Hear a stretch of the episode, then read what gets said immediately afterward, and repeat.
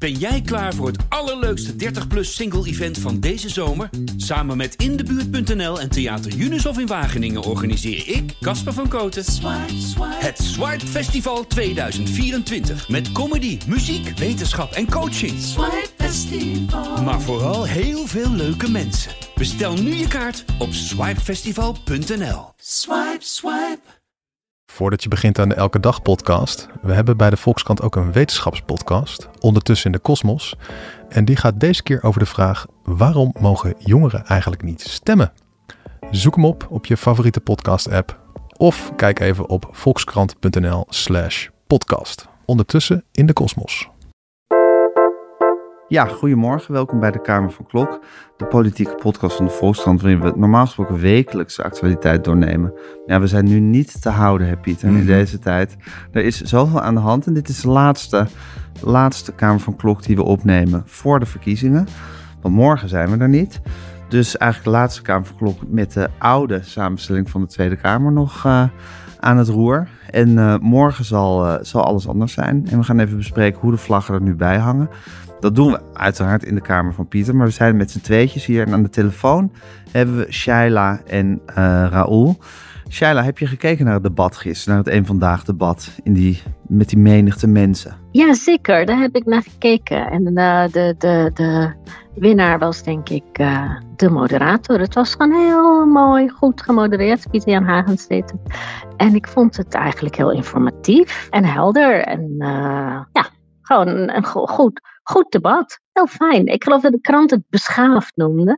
Wat ook wel wat zegt misschien over hoe de anderen, hoe, hoe, hoe, hoe getraumatiseerd we nog zijn door het SPSS-debat. Maar het, eh, ja, nee, ik, ik, eh, ik heb er met groot plezier naar gekeken. Want het SBSS-debat kunnen we nu inhoudelijk als het dieptepunt eh, beschouwen. Misschien. Nou, dit misschien niet het hoogtepunt, maar dit wel een, een goede comeback. Ja, en een, en, een, en een prima bijna afsluiter. Vanavond is nog natuurlijk de NOS. Die heeft dan eh, heel veel mensen die ze ook allemaal heel goed tot hun recht gaan proberen te laten komen.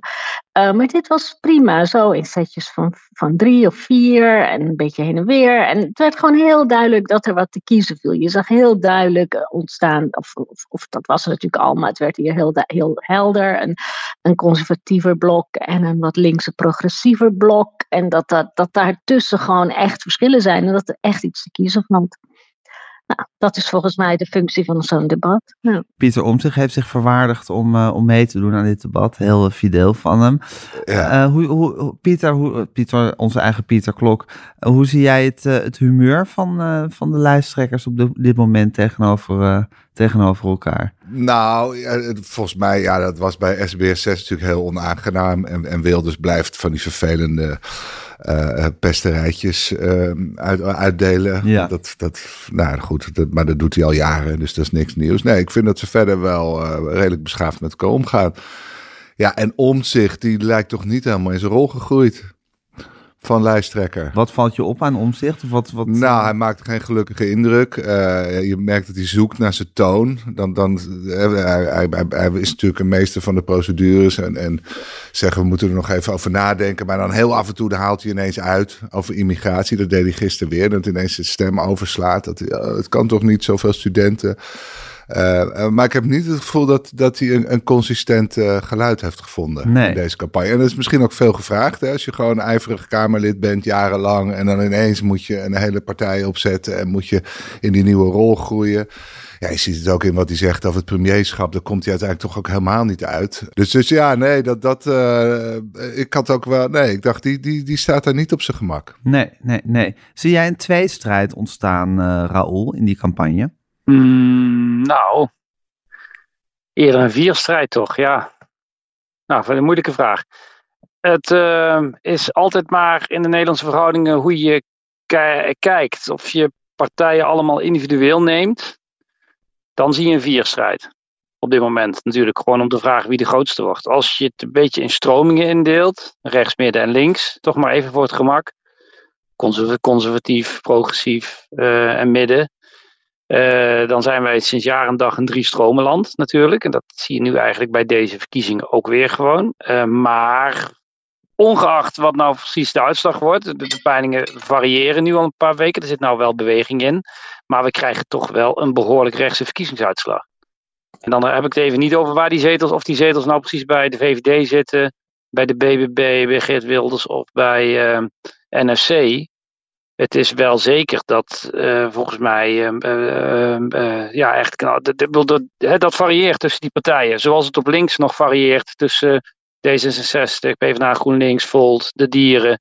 Je ziet het, het strategische stemgedrag waar we het vorige week geloof ik uitgebreid over hebben gehad, zie je nu daadwerkelijk op gang komen. Hè? Dus uh, zowel op links als op rechts worden de kleintjes leeggegeten door de grote. Maar het land gaat wel een behoorlijke slag naar rechts maken. En dat is niet eens een tweestrijd, uh, want volgens mij het enige perspectief wat GroenLinks en PvdA hebben om nog iets in de melk te brokkelen te hebben, is wat Van Simmermans steeds zegt, de grootste worden. Want dan heb je het initiatief, althans het eerste initiatief in de formatie. En dan kunnen ze in elk geval niet meteen om je heen. Maar zelfs als hij de grootste wordt, dan weet hij zeker dat hij terechtkomt in een zeer rechtse omgeving. Waar, waarin het nog heel erg de vraag is, uh, denk ik, hoe, ja, wat hij daar überhaupt wat het te formeren voor, voor elkaar kan krijgen. Ja, ja, ja. ja. Dus, dus ja, een tweestrijd, uh, dat is echt maar net, ik bedoel, dat kan het nog worden. We krijgen vandaag nog een, een peiling uh, van Ipsos, de slotpeiling. En het kan dan best zijn dat het erop lijkt dat het tussen PvdA en VVD gaat, bijvoorbeeld. Maar dan moet je wel goed in je achterhoofd houden dat de VVD daar nog wel een paar grote rechtse bondgenoten heeft. En uh, Frans Timmermans niet. Wat natuurlijk ook wel echt opvallend is, want het leek erop alsof we een beetje de traditionele uh, verhoudingen terug hadden. Een linkse partij, uh, PvdA GroenLinks, en rechtse partij, VVD in het midden omzicht. Ja. He, zo begonnen we. Ja. En door dat woeste SBS-debat is er een hele andere dynamiek ontstaan. De, traditionele midden valt weg, hè, omzicht. Die is nu toch wel behoorlijk aan het dalen. En de VVD gaat op die middenplek zitten. En, en de strijd tussen links en rechts is een strijd tussen PVV en PvdA GroenLinks. Ja, dat is echt dus nieuw. Zo, zo dus Nederland is gewoon, is... Nederland is gewoon in één klap, zou je kunnen zeggen, als dit doorzet, naar, naar rechts, rechts opgeschoven. Dus het gaat straks tussen extreem rechts en links. En dan is de VVD zit ineens in het midden.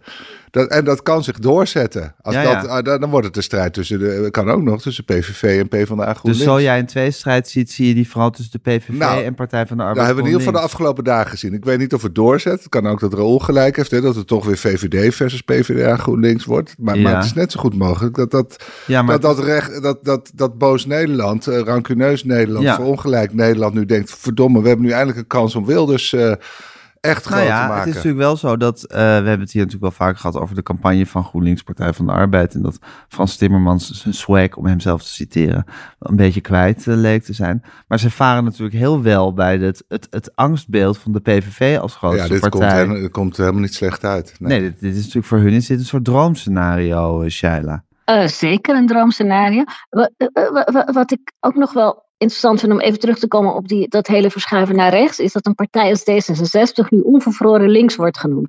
Dat was altijd gewoon een tamelijk rechtse partij met een beetje progressieve inslag.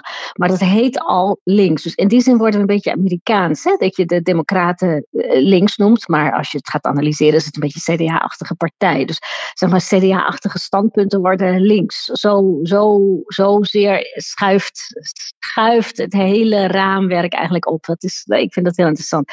En ja, dat die, uh, de, de angst voor Wilders nu allemaal linkse kiezers naar, uh, of, of, progressieve kiezers, of, of, ooit linkse kiezers naar PvdA GroenLinks uh, drijft, dat is wel aan de hand. Ja, je ziet het alom.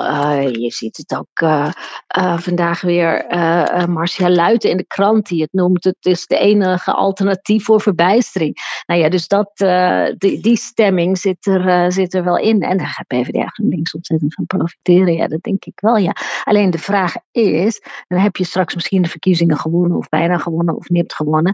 En dan kijk je om je heen en dan uh, zie je alleen maar uh, Pieter Omtzigt en Geert Wilders en Dylan Jezelgus staan. En die gaan echt niet een hand naar je uitreiken. Dus ik weet ook niet hoe dan. Weet je, het kan ook een soort, soort overwinningsnederlaag worden. Ja, een Pyrrhus overwinning. Want het is eigenlijk een soort, de Partij van de Arbeid GroenLinks is nu een soort, soort, soort ijsschots in een verder geheel smeltend... Uh, wegsmeltend landschap. Ja, het hangt er wel een beetje van naar welk onderwerp je kijkt. Op migratie zijn de geesten natuurlijk heel erg gescheiden nu. Maar op klimaat, is de VVD wil ook nog steeds klimaatbeleid. Dus er zijn, en als je naar, naar hoger minimumloon kun je misschien wel weer andere bondgenoten vinden. Dus ja, god, het is maar net hoe je er naar kijkt. Maar Ja. het wordt wel heel ingewikkeld. Ja, en er is wel een soort wederzijdse antipathie in ieder geval tussen die. Ik bedoel, je, je Ja, ziet dat, je ziet dat die rechtse partijen, los van of ze misschien ook wel heel veel standpunten met PvdA GroenLinks delen, dat er een soort, soort natuurlijker eh, warmte is. Zoals die tussen VVD en CDA vroeger ook altijd was. Ja, Dat was ook altijd prettiger regeren dan met de Partij van de Arbeid. ja maar Toch? goed, wie hebben we dan? Hè? Dan hebben we Jezielkus en Wilders, die het misschien wel heel goed met elkaar kunnen vinden op migratie. Omtzigt, ik weet het niet of die in staat is om in een kabinet te, te, treden. Want volgens nog is hij nog niet echt naar een soort bestuurlijke rol gegroeid. Hij blijft hameren op wat er allemaal niet klopt en dat hij dingen nog moet bestuderen. Dus ik weet helemaal niet of die in staat is om, om deel te nemen aan een formatie. Dat is ook een hele grote ongewisse factor. Dus misschien zijn ze het inhoudelijk wel eens, maar als je kijkt qua stijl, zij ze passen natuurlijk helemaal niet bij elkaar. VVD is een bestuurderspartij, PVV niet. Die hebben geen bestuurders. Ja, Wilde zegt dat hij premier gaat worden. Nou goed, dat zou dan nog mogelijk zijn. Maar da- daarnaast heeft hij heel weinig mensen die dat kunnen doen. NSC moeten we ook nog maar kijken of dat kan uitgroeien tot een bestuurderspartij. Dus dan heb je misschien dat ze inhoudelijk wel tegen elkaar aanzitten, maar qua stijlen helemaal niet. En dan passen misschien eh, klassieke bestuurspartijen zoals PvdA, GroenLinks en VVD uiteindelijk toch weer beter bij elkaar. Ja. D66 erbij, nou nog een beetje Volt, weet jij veel. Brokkelen. Dus, dus het is, eh, alles kan. Ja. We moeten ook naar de kleintjes kijken. We hebben het nu over die vier partijen. Maar ook al tel je ze allemaal bij elkaar op in alle mogelijke samenstellingen, dan ben je er nog niet.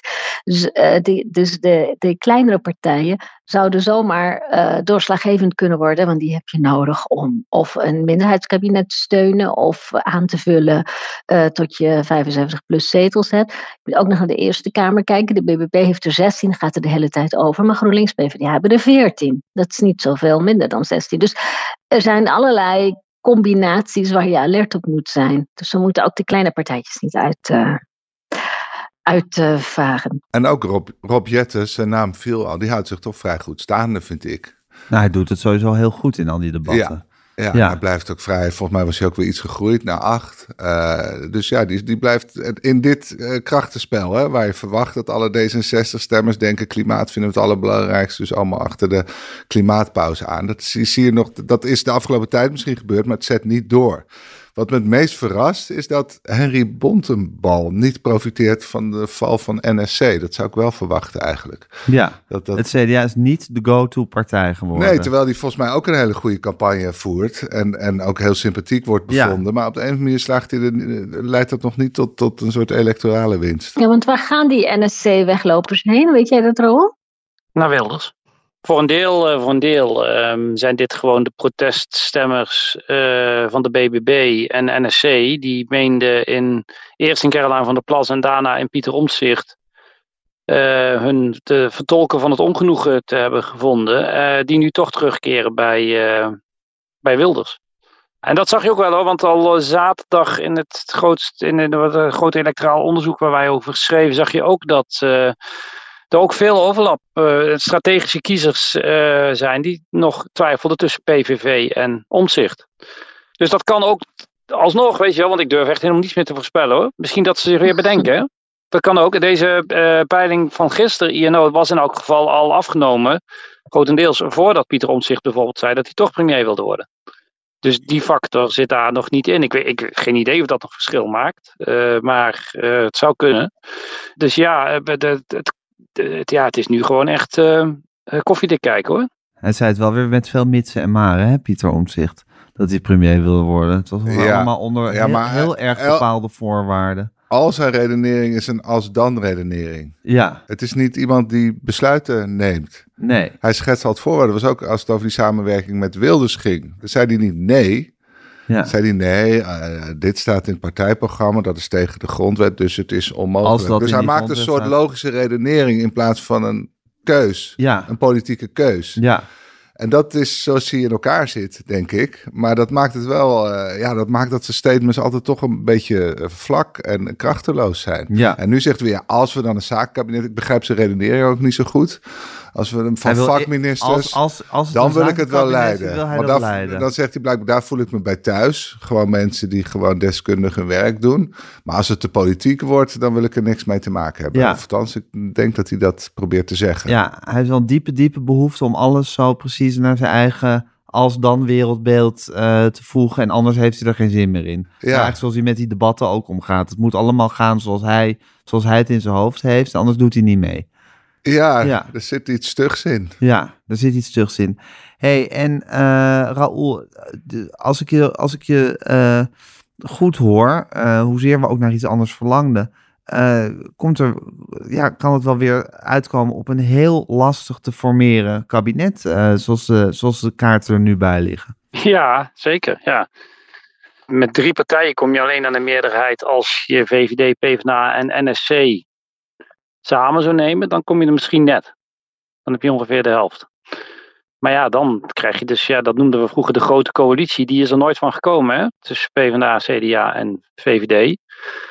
Want dan heb je dus alle oude bestuurspartijen eh, bij elkaar. Ik reken dan omzicht nu toch wel even tot het gemak tot het nieuwe CDA, zeg maar. Hè? Ehm, eh, maar dat is, ja, dat is eigenlijk voor, eh, zeker voor PvdA en VVD, is dat geen aantrekkelijk perspectief, denk ik.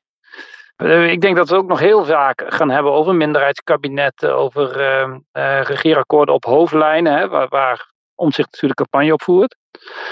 Want niemand, ja, ik durf toch wel te zeggen dat echt iedereen wel aanvoelt op het binnenhof dat als je nu weer drie kwart jaar gaat zitten formeren, dat al het hele gevoel van, oh, ze hebben in Den Haag de boodschap begrepen en er moet wat meer daadkracht komen, is dan natuurlijk weg. Dat is gewoon geen optie, denk ik. Ik, ik ga er toch vanuit dat iedereen daar wel, dus de, die formatie moet gewoon op een andere manier gaan gebeuren.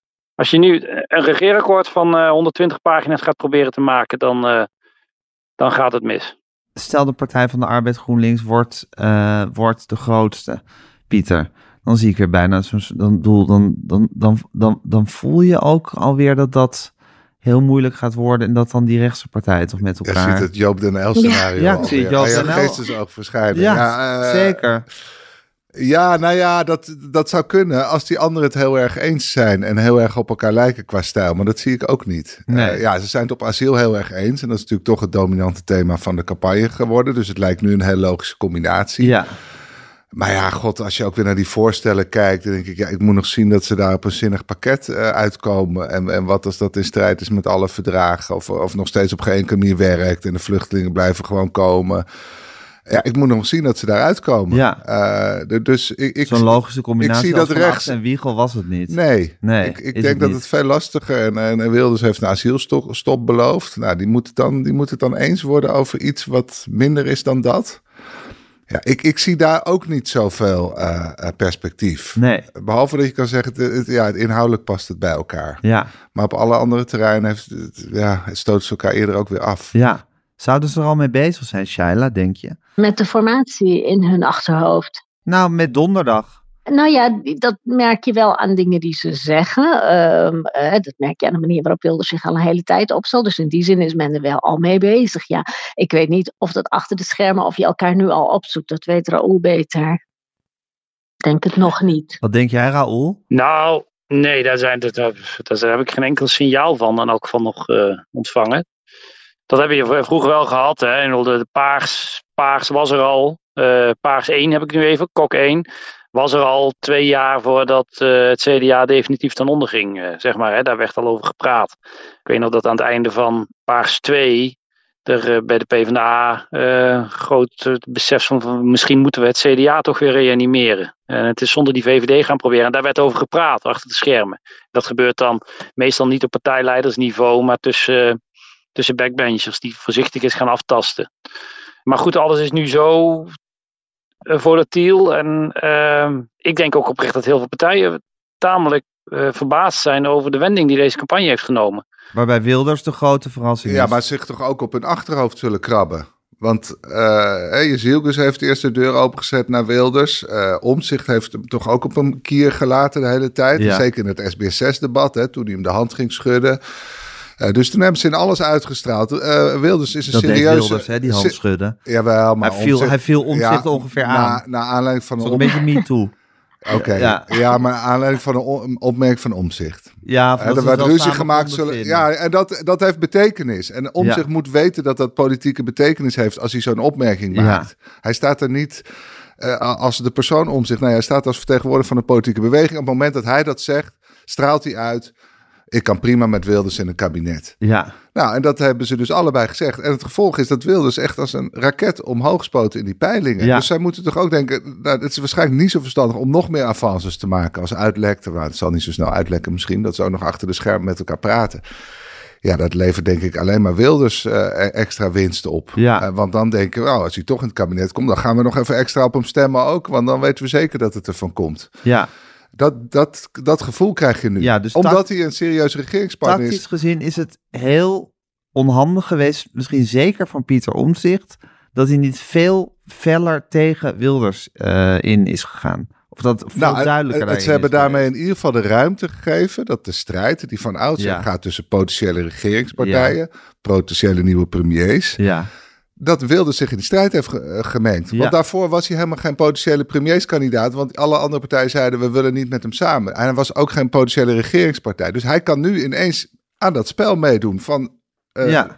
een, een, en daarin gesteund door Vandaag Insight. Die Ja. natuurlijk toch de, de borreltafel bepalen. Ja, die hadden Ja. wat vrienden van hem ingevlogen om, om kritische vragen aan Frans Timmermans te stellen en hem eh, uit te schelden. Ja, en sowieso de hele stemming daar aan tafel is natuurlijk toch altijd van Geertje. dit Ik denk en, dat dus in die zin, het was een vreselijk debat, maar het was wel, vrees ik, een, een beslissend debat tot nu toe. Ja. Daar is de belangrijkste verschuiving in, in, eh, in gang gezet. Ja. Ja, nou, en het voornaamste slachtoffer is natuurlijk de BBB.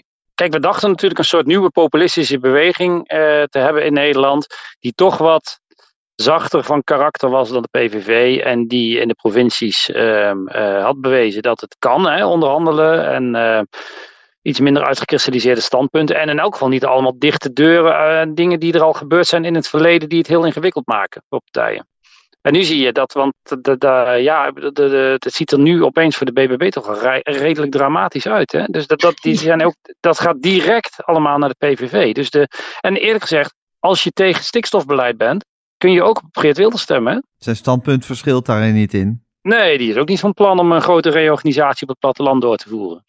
Maar het verschil was, met de BBB kwam je misschien in het kabinet en met, met, met de PVV inderdaad nooit. En dat perspectief is inderdaad gedraaid nu. En Omtzigt heeft er dus ook niet slim aan gedaan, eh, wat Pieter net zegt. Ben je dat met hem eens om niet hard genoeg die deur naar Geert Wilders dicht? Dat is gewoon een tactische fout in die campagne. Ja, hij laat het om electorale redenen, denk ik, heeft hij het niet willen doen. Omdat hij eh, weet dat een groot deel van zijn potentiële kiezers het helemaal geen probleem vindt om met eh, Pieter Omtzigt te regeren. Dat blijkt gewoon uit de verkiezingsonderzoeken.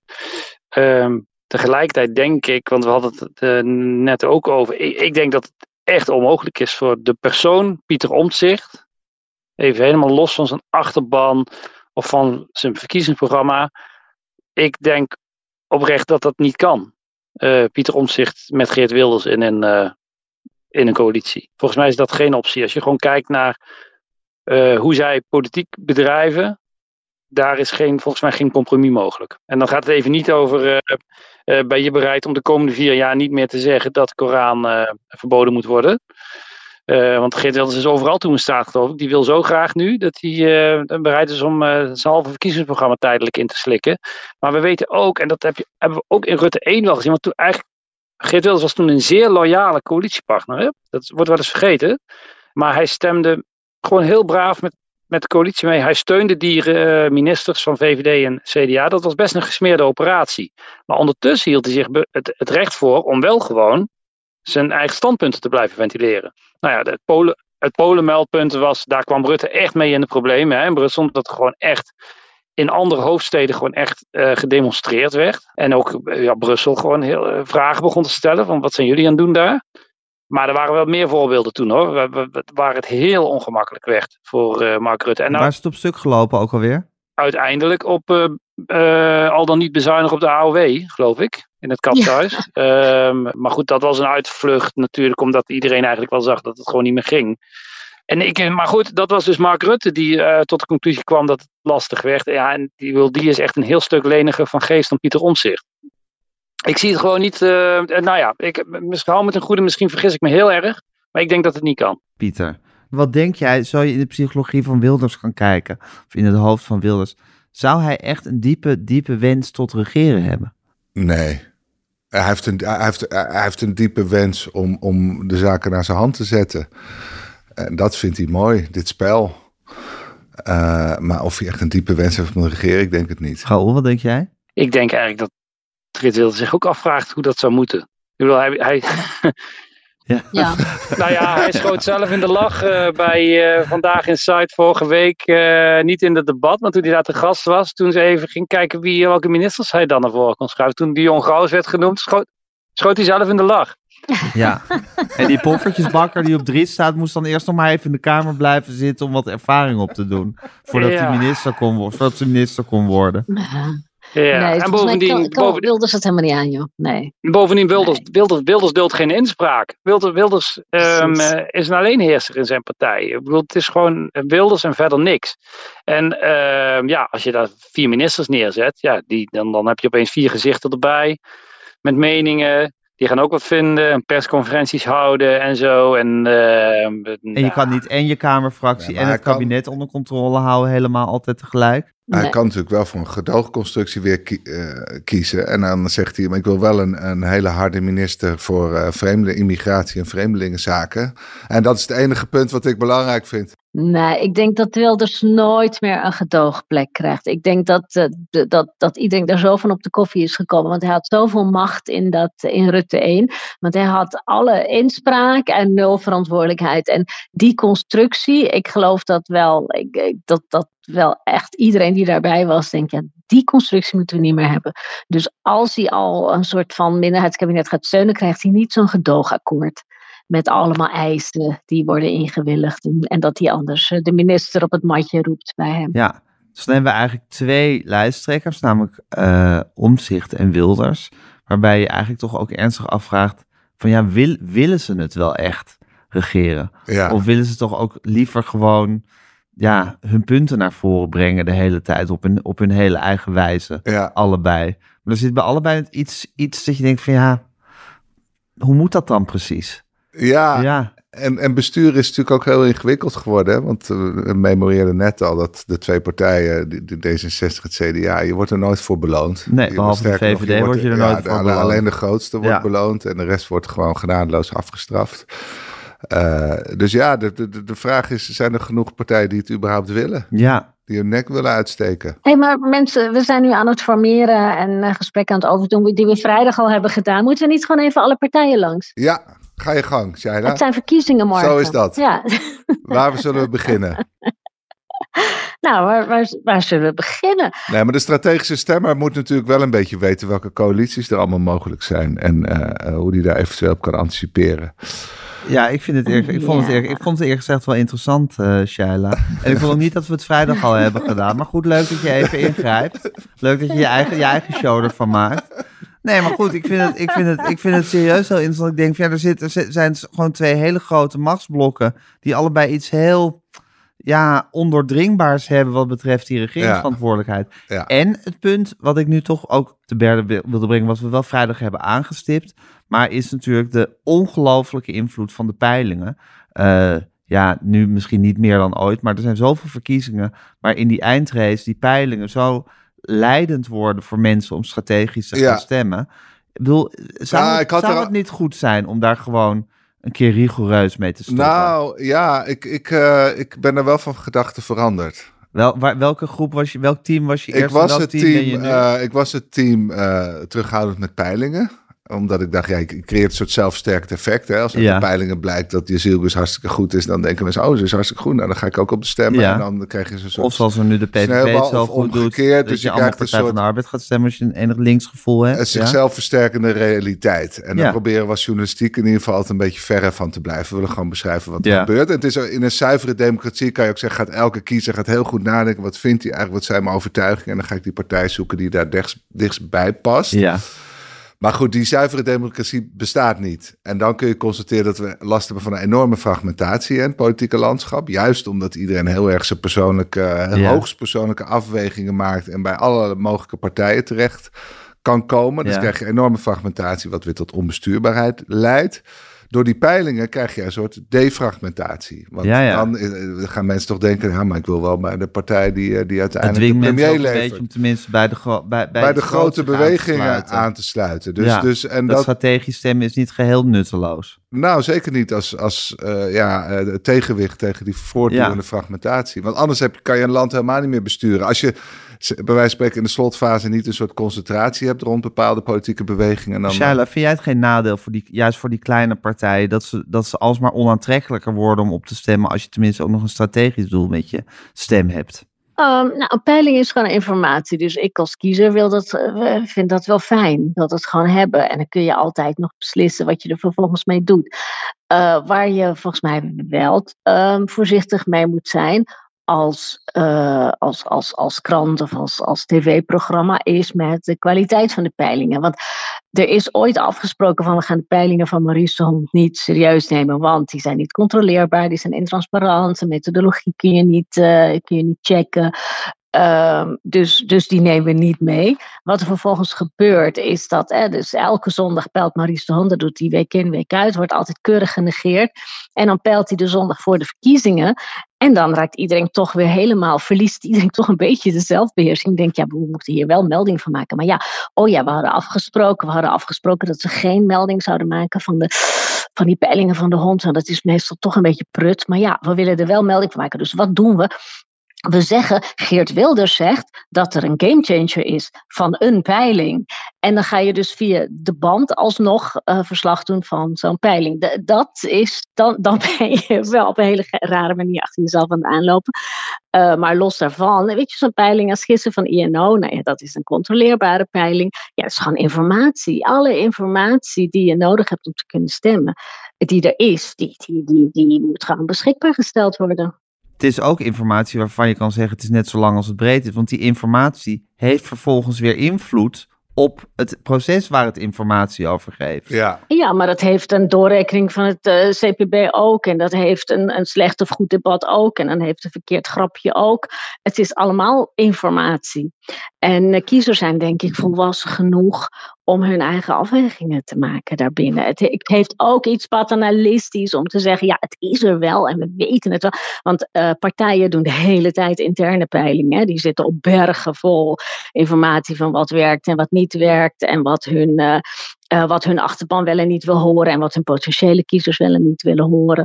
Dat wil ik ook allemaal weten. Het is ook een schijnwerkelijkheid als je dat gaat verbieden. Ja, maar ik vind het toch wel ingewikkeld. Want uh, toen we ooit deze parlementaire democratie inrichten, dachten we dat partijen gewoon vanuit een soort overtuiging werkten, waar ze dan heel lang over hebben nagedacht. Mm -hmm. En vervolgens leggen ze die overtuigingen voor aan de kiezers. Ja. Wat je nu ziet, is dat ze net gaan kijken wat, wat vinden die kiezers eigenlijk en zich daarop aanpassen.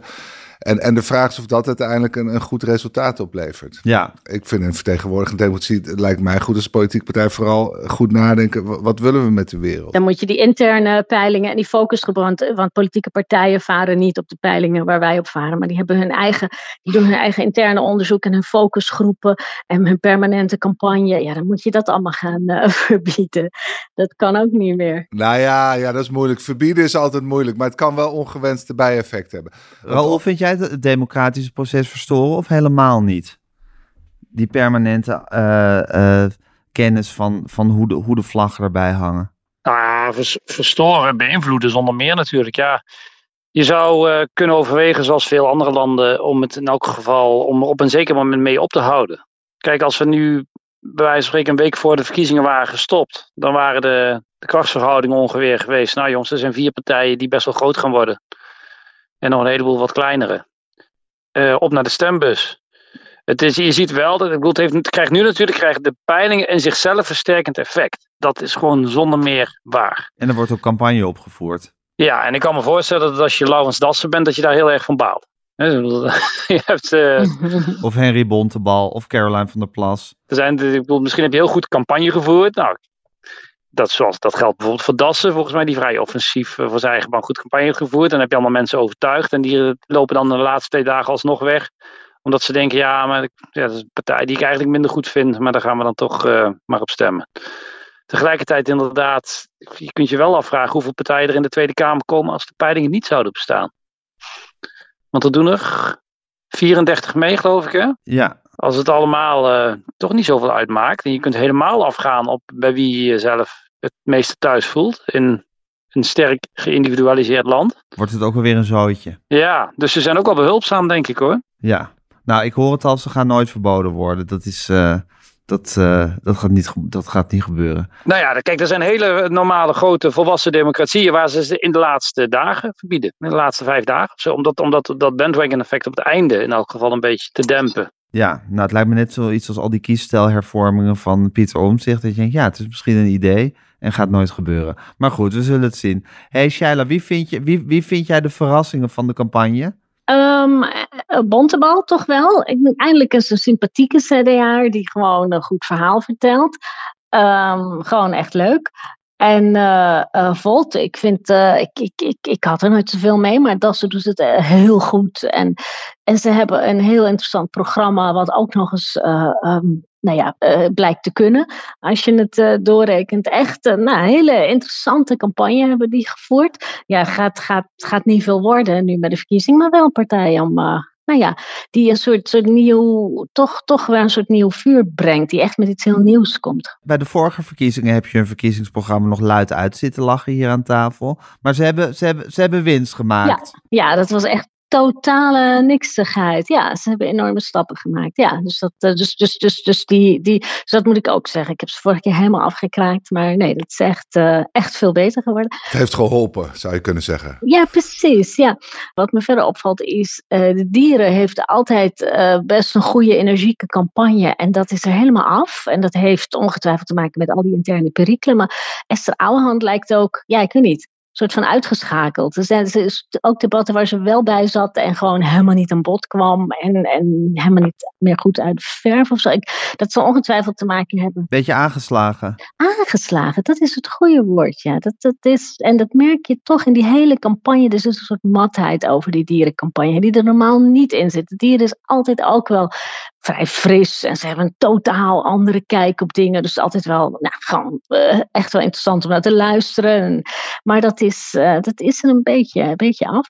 Ik zag gisteren Mona Keizer zitten met, tegenover Jesse Klaver bij op één. En het was toch ook, volgens mij heeft Mona Keizer zo'n spijt. Die, die, die, die dacht dat ze aanhaakte. Oh ja? Ik weet niet of zij die emotie kent. Ja, maar je, ze dacht dat ze aanhaakte op een soort sprinter naar de top. Ja, bij een soort hele grote beweging. Ik bedoel, dit is, deze, deze vrouw is niet zo lang geleden gepresenteerd als premierskandidaat. En het is nog serieus genomen ook, hè? Mona is bereid gevonden om premier te worden. Zeker, ja. En toen zag ik het daar zitten. En ze legde het ook nogal af tegen Klaver. Ook gewoon in, debat, in, in gewoon debattechniek en in inhoud en in alles ongeveer. Ze zat daar een beetje verongelijk te zitten. Ik dacht, ja, het is ook wel heel treurig. Er zijn wel meer mensen bij de BBB aangehaakt. Die dachten van, oh jongens, dat is ons nieuwe vehikel. Weet je, een Dirk-Jan Epping. Die staat geloof ik op plek 23. Nou, die moet een baan gaan zoeken donderdag. En nou ja, zo heb je er nog een paar. Dat is ook wel heel interessant om te zien hoe dat die politieke hoppers... die dan net verkeerd hebben gegokt. Ik vind dat toch ook wel leuk. Ik zeg dat zonder enig leedvermaak hoor, maar gewoon... Hey, en Shaila, wat denk jij nou van Lilian Marijnissen? Lilian Marijnissen, ik, ik heb dat al heel vaak gezegd um, in, uh, in deze podcast. Ik begrijp het niet. Um, de SP is een partij die op alle kwesties die spelen een uitgesproken profiel heeft. Het gaat om bestaanszekerheid, het gaat om het functioneren van de overheid, het gaat om dat toeslagenschandaal waar Pieter Omtzigt wel vleugels op heeft gekregen en de SP niet. Terwijl notabene Tjitske Siderius was die dit ooit als eerste heeft aangekaart, SP-Kamerlid. Ooit SP-Kamerlid niet meer, maar al, al een tijdje weg. En Renske Leijten, die de grote heldin was. En toch gaan alle stemmen naar, naar Pieter Omtzigt. Maar ook op bestaanszekerheid. De SP heeft daar al sinds een oprichting zo ongeveer een, een solide verhaal over voor die onderkant. Waar niemand op aanslaat. Uh, ik vind dat Lilian Marijnis uh, een fantastisch uh, debater is. Als zij aan tafel zit, gebeurt er wat. En ze zat bij een van die debatten. God, welke was het? Ze beginnen in mijn hoofd één breid. Ja, aan die tafel bij Renze. ja, deed ze het heel goed. En toen ging iedereen ook dat... Op RTL 4 ja, toen ging iedereen ook dat, dat zorghuis, ik, ik noem het verkeerd, het heet anders, maar ze hebben, dat heeft de SP bedacht in Os, een soort, soort, soort plek uh, om zorg te verlenen. Dat ging iedereen ook omarmen en overnemen en zeggen super interessant. Ze doen ook op lokaal niveau dus echt interessante dingen, hè, buiten zoals dit soort zorghuizen uh, oprichten. En die werken ook. En waarvan zeg ik denk, wat een goed idee. Ze hebben hele goede mensen in het, in het land. Ze zijn fantastisch in, in straatactie. En toch stemt er niemand op. Ik begrijp het niet. Nou, misschien is het zo omdat, omdat de SP gewoon van nature het goed doet als protestpartij, als uitdager van de macht. Zullen we zeggen wat Pieter Omtzigt nu is en wat de PVV gek genoeg altijd is. En op een of andere manier zijn ze, ja, hebben, hebben ze toch het, het, het gevoel, is er het gevoel omheen gaan hangen dat ze gewoon erbij horen. Dat ze niet echt een soort gevaarlijke outsider zijn, maar meer gewoon uh, ja, bij, bij, bij, bij het kliekje horen met een, met een iets afwijkend geluid of zo. Maar dat hele gevaarlijke, protestachtige zijn ze kwijtgeraakt gaandeweg. Misschien wel in die gigantische opkomst van Emiel Roemer, die daarna knakte en dat het daarna een soort establishment is geworden. Wat per definitie niet bij de SP hoort. Ook op arbeidsmigratie. Arbeidsmigratie, wat nu het grote thema is, hebben zij altijd het voortouw genomen. Heeft notabene hun eigen roemer heel goed rapport weer overgemaakt, niet zo heel lang geleden. Ik begrijp er niks van. Maar uh, Raoul, Raoul weet het wel, denk ik. Nee, ja, je hebt het voorkomen. Nou ja, kijk, de SP heeft een heel duidelijk uh, standpunt over uh, arbeidsmigratie. Uh, en veel minder duidelijk standpunt over asiel. Wat toch op de achtergrond denk ik wel weer een groot thema is. Uh, of ja, niet eens op de achtergrond. Uh, we, daar heeft Geert Wilders toch weer voor een groot deel denk ik zijn positie aan te danken. En de SP weigert om daar gewoon een prominent campagnepunt van te maken. Al heel veel campagnes achter elkaar. En daar, daar hebben ze allemaal goede inhoudelijke redenen voor waarom ze andere dingen belangrijker vinden. Maar ja, dat, dat is objectief gewoon gezien in een campagne een handicap. Want wat je er verder ook vindt, elke keer wordt het een heel belangrijk onderwerp voor kiezers. Die zijn daar toch kennelijk erg mee bezig. En de SP steekt er op geen enkele manier bovenuit daar.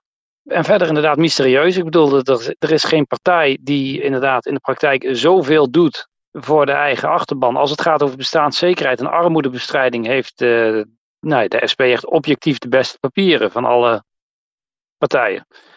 Ja, en toch, uh, de kiezers die er waarschijnlijk het meeste aan zouden hebben om uh, van de SP de grootste partij te maken, maken toch een andere keuze. En dat, ja, dat kan bijna niet anders zijn dan door uh, toch dat het zij. Ik denk dat heel veel kiezers niet precies weten wat het SP-standpunt over asiel is. Daar zou dus een kardinaler punt. En zou de SP zelf daar misschien ook nog een beetje verdeeld over zijn? Dat ze aan de ene kant mm, natuurlijk inderdaad gewoon een hele linkse signatuur internationale hebben. solidariteit. Ja, maar ook heel erg tegen Europa of behoudend over Europa en toch ook wel behoudend over immigratie. Dus er zit een soort. in, een soort links, in een soort linkse kronkel zitten ze daar of zo. Ja, je zou kunnen zeggen dat ze daar heel verstandig in zijn. Dat ze niet voor in de verleiding trappen om daar uh, hele harde standpunten te hebben die je vaak in de praktijk helemaal niet kunt waarmaken. Maar dat levert dus niet, niet zoveel ja. op electoraal. Ja, maar goed, jij hebt het idee al dat ze daar, dat ze daar iets laten liggen. Ja, want op, op zich over inderdaad het debatteren en het campagnevoeren van Lilian Marijnissen kan je toch weinig, weinig kwaads uh, te zeggen hebben. Nee, je kunt geen, geen fouten aanwijzen, toch? Of zo?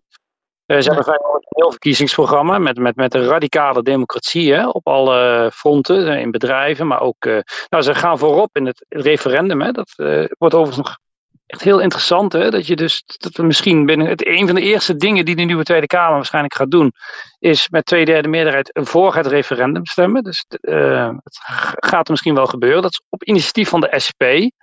Was ooit echt D66, maar dat de bestuurlijke vernieuwing heeft de SP ook helemaal overgenomen.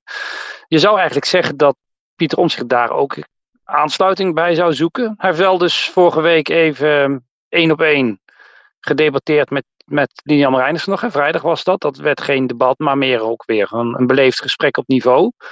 Dus, dus hij voelt dat zelf ook wel. Want ik heb toch ook wel veel raakvlakken met deze partij.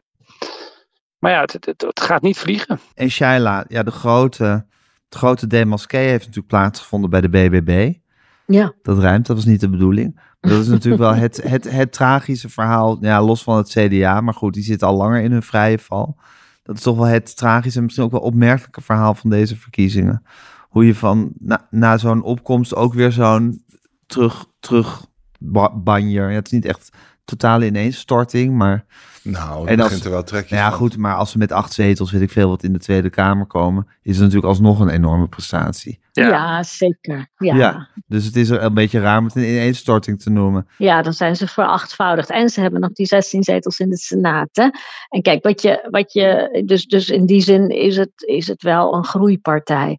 Alleen was de belofte nog veel groter. En wat cruciaal wordt voor de BBB is of er heel veel mensen dan teleurgesteld zullen zijn. Hè? Die waren aangehaakt bij de BBB en denken, oh ja shit, ik heb toch op het verkeerde paard gereden. En of die teleurstelling nog leidt tot frictie. Het is natuurlijk geen partij van mensen die elkaar al jaren kennen, eh, al jaren door dik en dun eh, overal doorheen zijn gegaan. Dus het is misschien ook wat makkelijker dat het weer uit elkaar valt. Maar goed, dat moeten we maar zien. Ja, dat er geen frictie zou ontstaan lijkt me ja, heel opmerkelijk. ja, Ja, Toch? ze gaan misschien de oudere partij achterna. Die hadden ook eh, Precies. zes zetels en, en sindsdien maken ze helemaal ruzie. Ja. En nog steeds. nog volgens steeds. mij. Ja, maar dat was al bij de aller, allereerste oudere partij, weet ik veel, 25 jaar geleden. Die begonnen ook al meteen met ruzie maken. Ja, Ja, Overigens eh, maakte die, eh, die enorme verkiezings, die verkiezingsoverwinning van de BBB speelde heel erg mee in de afweging van de VVD om het kabinet op te blazen. Hè? Kijk, eh, het is heel interessant wat daar gebeurt. De- de- Hier er ontstaat misschien een werkbare rechtse meerderheid. Dus Ja. dat is ook wel. eh, oh, ik weet zeker ook dat de VVD geen rekening heeft gehouden met wat er nu gebeurt. Dat, dat, dat niet Caroline van der Plas, maar Geert Wilders met die zetels vandoor gaat. Dat is echt Ja. een heel onverwachte ontwikkeling. De gok was echt anders. BBB en misschien Pieter Omtzigt. Ja, dat had ook nog gekund. Ja, ja. En dat Geert Wilders gewoon met zijn eeuwige 12 à 15 zetels gewoon, Ja. Ja. die, eh, die kiezelsteen zou zijn die die altijd was. Precies, Onprettig, maar werkbaar. Overigens kunnen we nu inmiddels wel definitief gaan vaststellen dat mensen, de kiezers provinciale statenverkiezingen toch ook zien als een soort proeftuin waarbij alles kan. Want het is natuurlijk de tweede keer dat het gebeurt. We hebben, Ja. we hebben Forum voor Democratie ook al heel groot gehad. Dat, dat, dat, die, die analyse werd ook wel in maart al gemaakt hoor, herinner ik me. Zeiden we, ja, dit zegt niks over de landelijke verhouding, maar dat is dus echt zo. Mensen, de kiezers hebben dat gewoon in de gaten. Van, ja, nou kunnen we eens wat proberen. En als het er uiteindelijk toch echt weer om gaat, oké jongens, wie gaan het land regeren, dan gaan ook kiezers kennelijk andere afwegingen maken. Ja, dat zijn gewoon lollige verkiezingen. Ik ben heel benieuwd wie de Kies waar je volgende gaat een winnen. grap kan uithalen. Ja, nou dat weten we nog helemaal niet. Nee. Dus dat is nog een, ergens in Nederland loopt nu iemand die een partij gaat beginnen. En die zal bij de volgende provinciale Ja, dus die moet één of, twee, één of twee zetels in de Tweede Kamer. Dat is het uitgangspunt. Het Forum had Ja, twee zetels Ja, je moet een beetje bekend zijn. Ja. En dan kom je in aanmerking. Dan kom je in aanmerking. Maar moet je wel nieuw zijn in de Ja. Kamer, redelijk nieuw. Toch een reden om, om de Eerste Kamer af te schaffen, jongens. Want uiteindelijk heeft dat allerlei gevolgen voor de Eerste Kamer. Hè? Want zit het, dan zit je wel, eens vorige keer zaten we met de enorme grote FVD-fractie in de Eerste Kamer. Die viel snel uit elkaar. We hebben nu een grote BBB-fractie, die is nog niet uit elkaar gevallen. Maar dat maakt die Eerste Kamer toch ook tot een totaal onvoorspelbaar ding. Ja. Vind je dat echt, Shaila, dat de Eerste Kamer afgeschaft moet worden? Nou ja, er zijn nog wel meer redenen hè, waarom die Eerste Kamer en van nu niet goed functioneert. Eh, en, en misschien wel minstens omgebouwd zou eh, kunnen en moeten worden. Of vervangen door een grondwettelijk hof. Als dat constitutionele hof komt, ja, heb je ze niet nodig. Je moet ook Ja. iets afschaffen. Ja, Als je iets invoert, moet je ook iets afschaffen. Ja, Dit is dan wel logisch. inderdaad, het hele politieke karakter van de Eerste Kamer zou natuurlijk weer ernst, zou eens ernstig teruggedrongen moeten worden. Ja, en Ja. als je grondwettelijk hof doet eigenlijk wat de, wat de, de Ja, klassieke taak van de Eerste Kamer is. de wetten toetsen aan de grondwet. Nou ja, of in ieder geval de deugdelijkheid de van deugdelijkheid wetten van wetten toetsen. Ja. Nou goed, dan hebben we altijd, eh, moeten we nog bij één, denk, weet ik veel wat. Eh, de oudere partij bestaat ook nog. Ja, we hebben het nog bijna niet over Frans Timmermans gehad. Nou ja, dat goed, beschouwen was een gegeven. Zijn we al klaar voor de grote? Om de, om de, om de, om de grote te wegen in hun, eh, in hun campagne? Nou, Geert Wilders heeft het natuurlijk gewoon briljant gedaan. Vanuit hem gezien, die heeft gewoon, Ja, heeft gewoon aangevoeld waar, waar, waar, zijn, waar zijn moment lag. ja. En heeft dat precies, precies op dat moment heeft hij toegeslagen.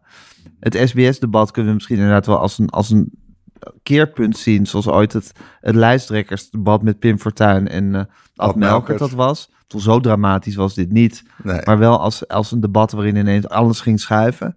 Dus Wilders hebben we genoeg geprezen. Heeft Timmermans nou een goede campagne ge- gehad, eh Shaila? Ik denk het eh, per saldo wel.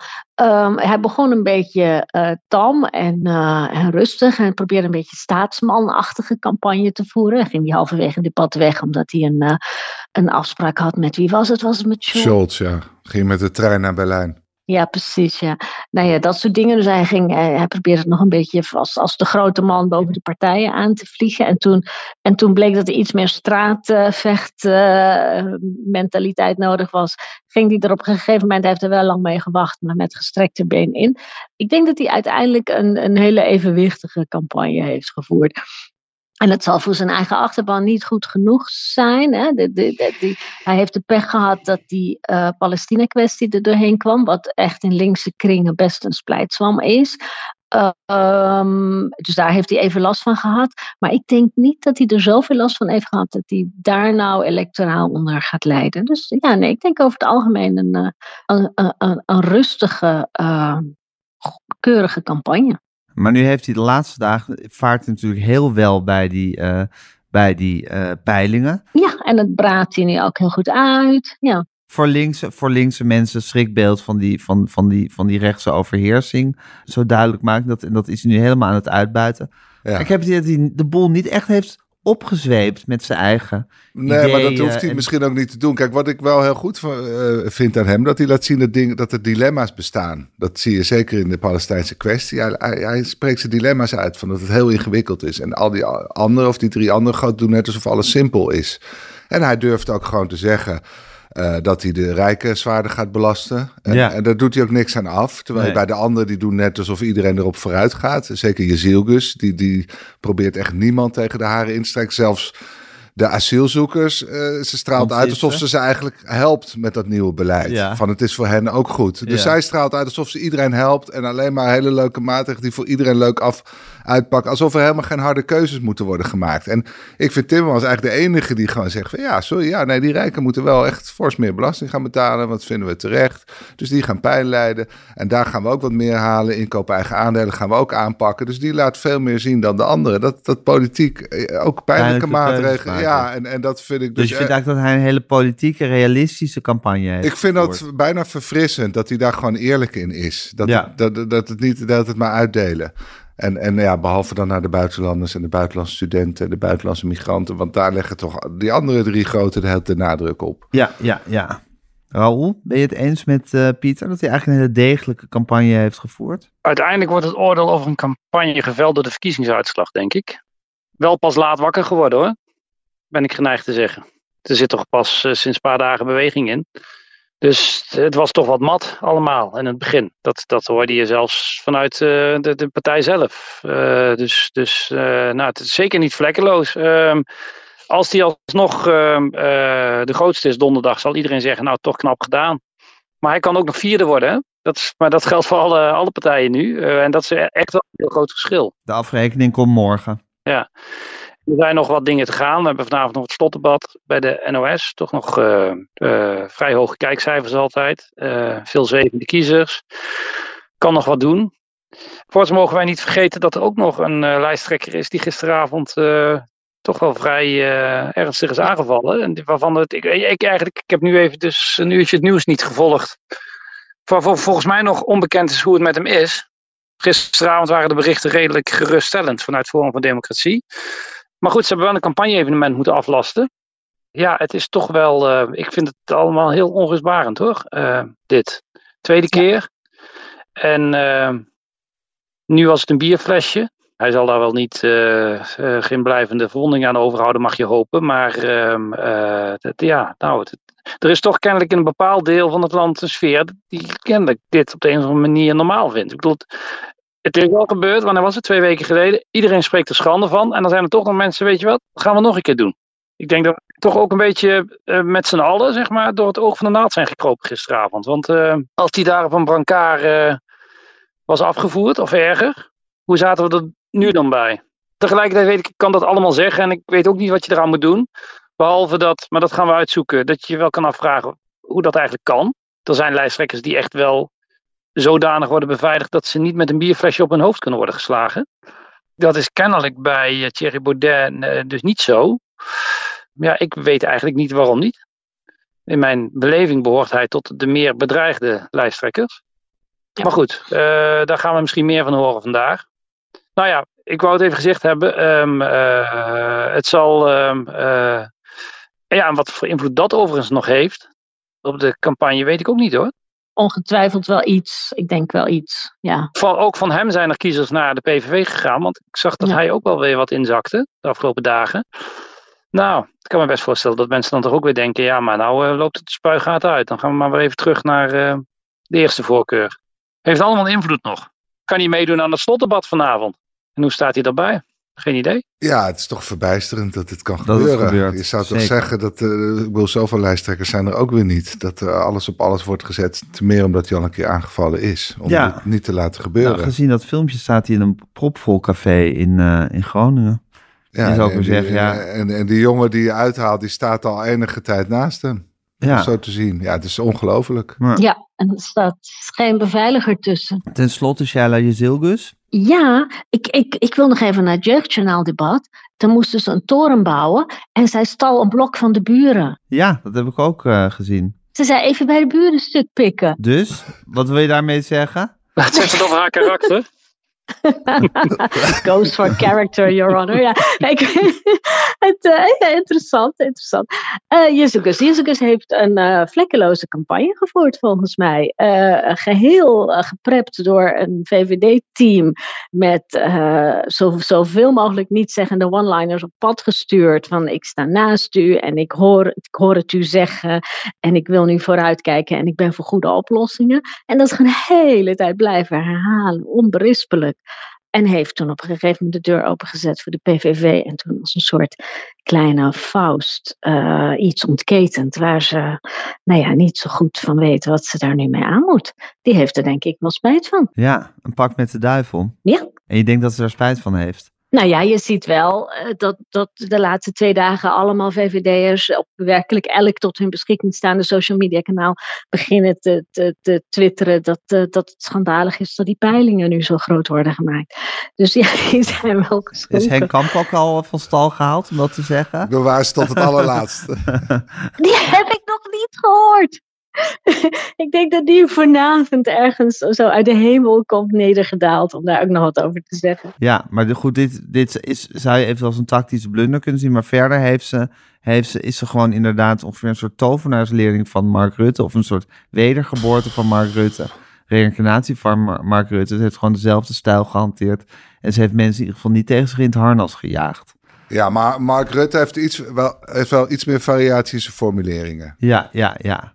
Dus het wordt wel heel duidelijk. Het wordt dit keer wel heel duidelijk hoe de VVD-campagne voert. Ja, en doen wat alsof- ze van net, tevoren net, hebben net doen alsof politiek niet bestaat eigenlijk. Alsof er geen tegenstellingen Ja. zijn. Alsof er geen ingewikkelde afwegingen moeten worden gemaakt. Ja, en dat het altijd best is om de VVD gewoon aan het roer te zetten. ja, Ja, want die, want die heeft, is voor goede oplossingen. Goede ja. oplossingen, nieuwe politiek. Ja. Nou, wat ze ook deed in dat interview in de Volkskrant dan, dat als een beetje het vuur aan de schenen eh, werd gelegd, dat ze zei, ja, maar mijn juristen zeggen eh, dat het wel kan. En die zeggen dat het huidige stelsel ook niet deugt. Juristen, vol, volstrekt onduidelijk welke juristen. Ja. En, en dan krijgen ze nog wat kritische vragen en dan zeggen ze, ja, maar eh, Mijn juristen. mijn juristen. Ja. En dan volgende vraag legt dus de interviewer voort van... nou, de Raad voor de Rechtspraak heeft vrij hard geoordeeld over uw asielbeleid. En dan kan ze gewoon zeggen, nou, dat nemen we niet serieus. Dus Ja. dan zijn het ook weer juristen. Maar de- de- Anderen zijn niet haar juristen. ja, dus Ja. ze speelt met, op een rare manier met expertise. Doet net alsof het haar eigen beslissingen niet zijn. Ja, ik vind dat ook niet eh, helemaal in de haak. Ja, ze heeft ook heel vaak als debat eh, techniek van... ach, kom nou toch. Ja. Of zo. Ja. Of, of zo een beetje zo smalend gaan lachen, want het is niet zo. Ja. Ja. Er zit iets hotels wat dat betreft in haar hele, in haar hele wezen. ja, maar zij heeft gelijk. Ze, ze voert wel vlekkeloos haar opdracht uit. Ja, vlekkeloos die ze van eh, ja. Kees Berghuis heeft gekregen. Raoul, weet je nog waar je stemkaart ligt? Zeker. Ja? Ga je hem gebruiken morgen? Ja hoor, morgen naar de, naar de sporthal in het dorp. Heerlijk. En dan ga je lekker je stem uitbrengen. Ja. Ja. En dan gooi je hem in die grote kliko. En dan heb je je democratische plicht vervuld. Ja. Het feest van de democratie. hè? En dan heel lang wachten, jongens. Een dag wa- wachten. En dan eerst een exit poll, die waarschijnlijk eh, te weinig gaat zeggen. En dan nog eh, een hele nacht eh, stemmen tellen. We zijn nog niet klaar. En in kleine uurtjes weten hoe het is. En het goede nieuws voor onze luisteraars is dat we de donderdagochtend dan gewoon een Kamer van Klok gaan maken. Wel een korte, hè, Raoul? Want je hebt, eh, je hebt het heel druk dan. Mhm.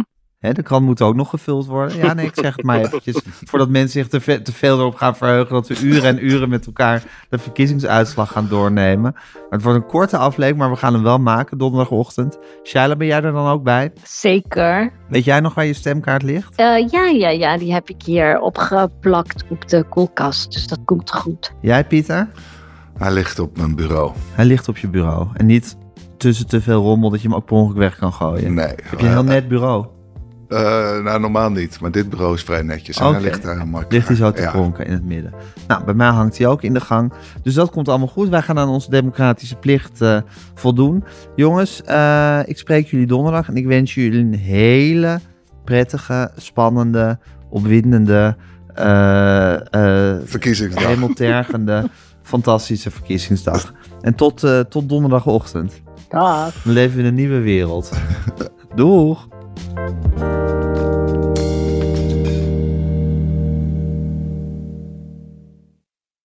Ben jij klaar voor het allerleukste 30-plus single-event van deze zomer? Samen met Indebuurt.nl en Theater Junushof in Wageningen organiseer ik, Casper van Koten, het Swipe Festival 2024. Met comedy, muziek, wetenschap en coaching.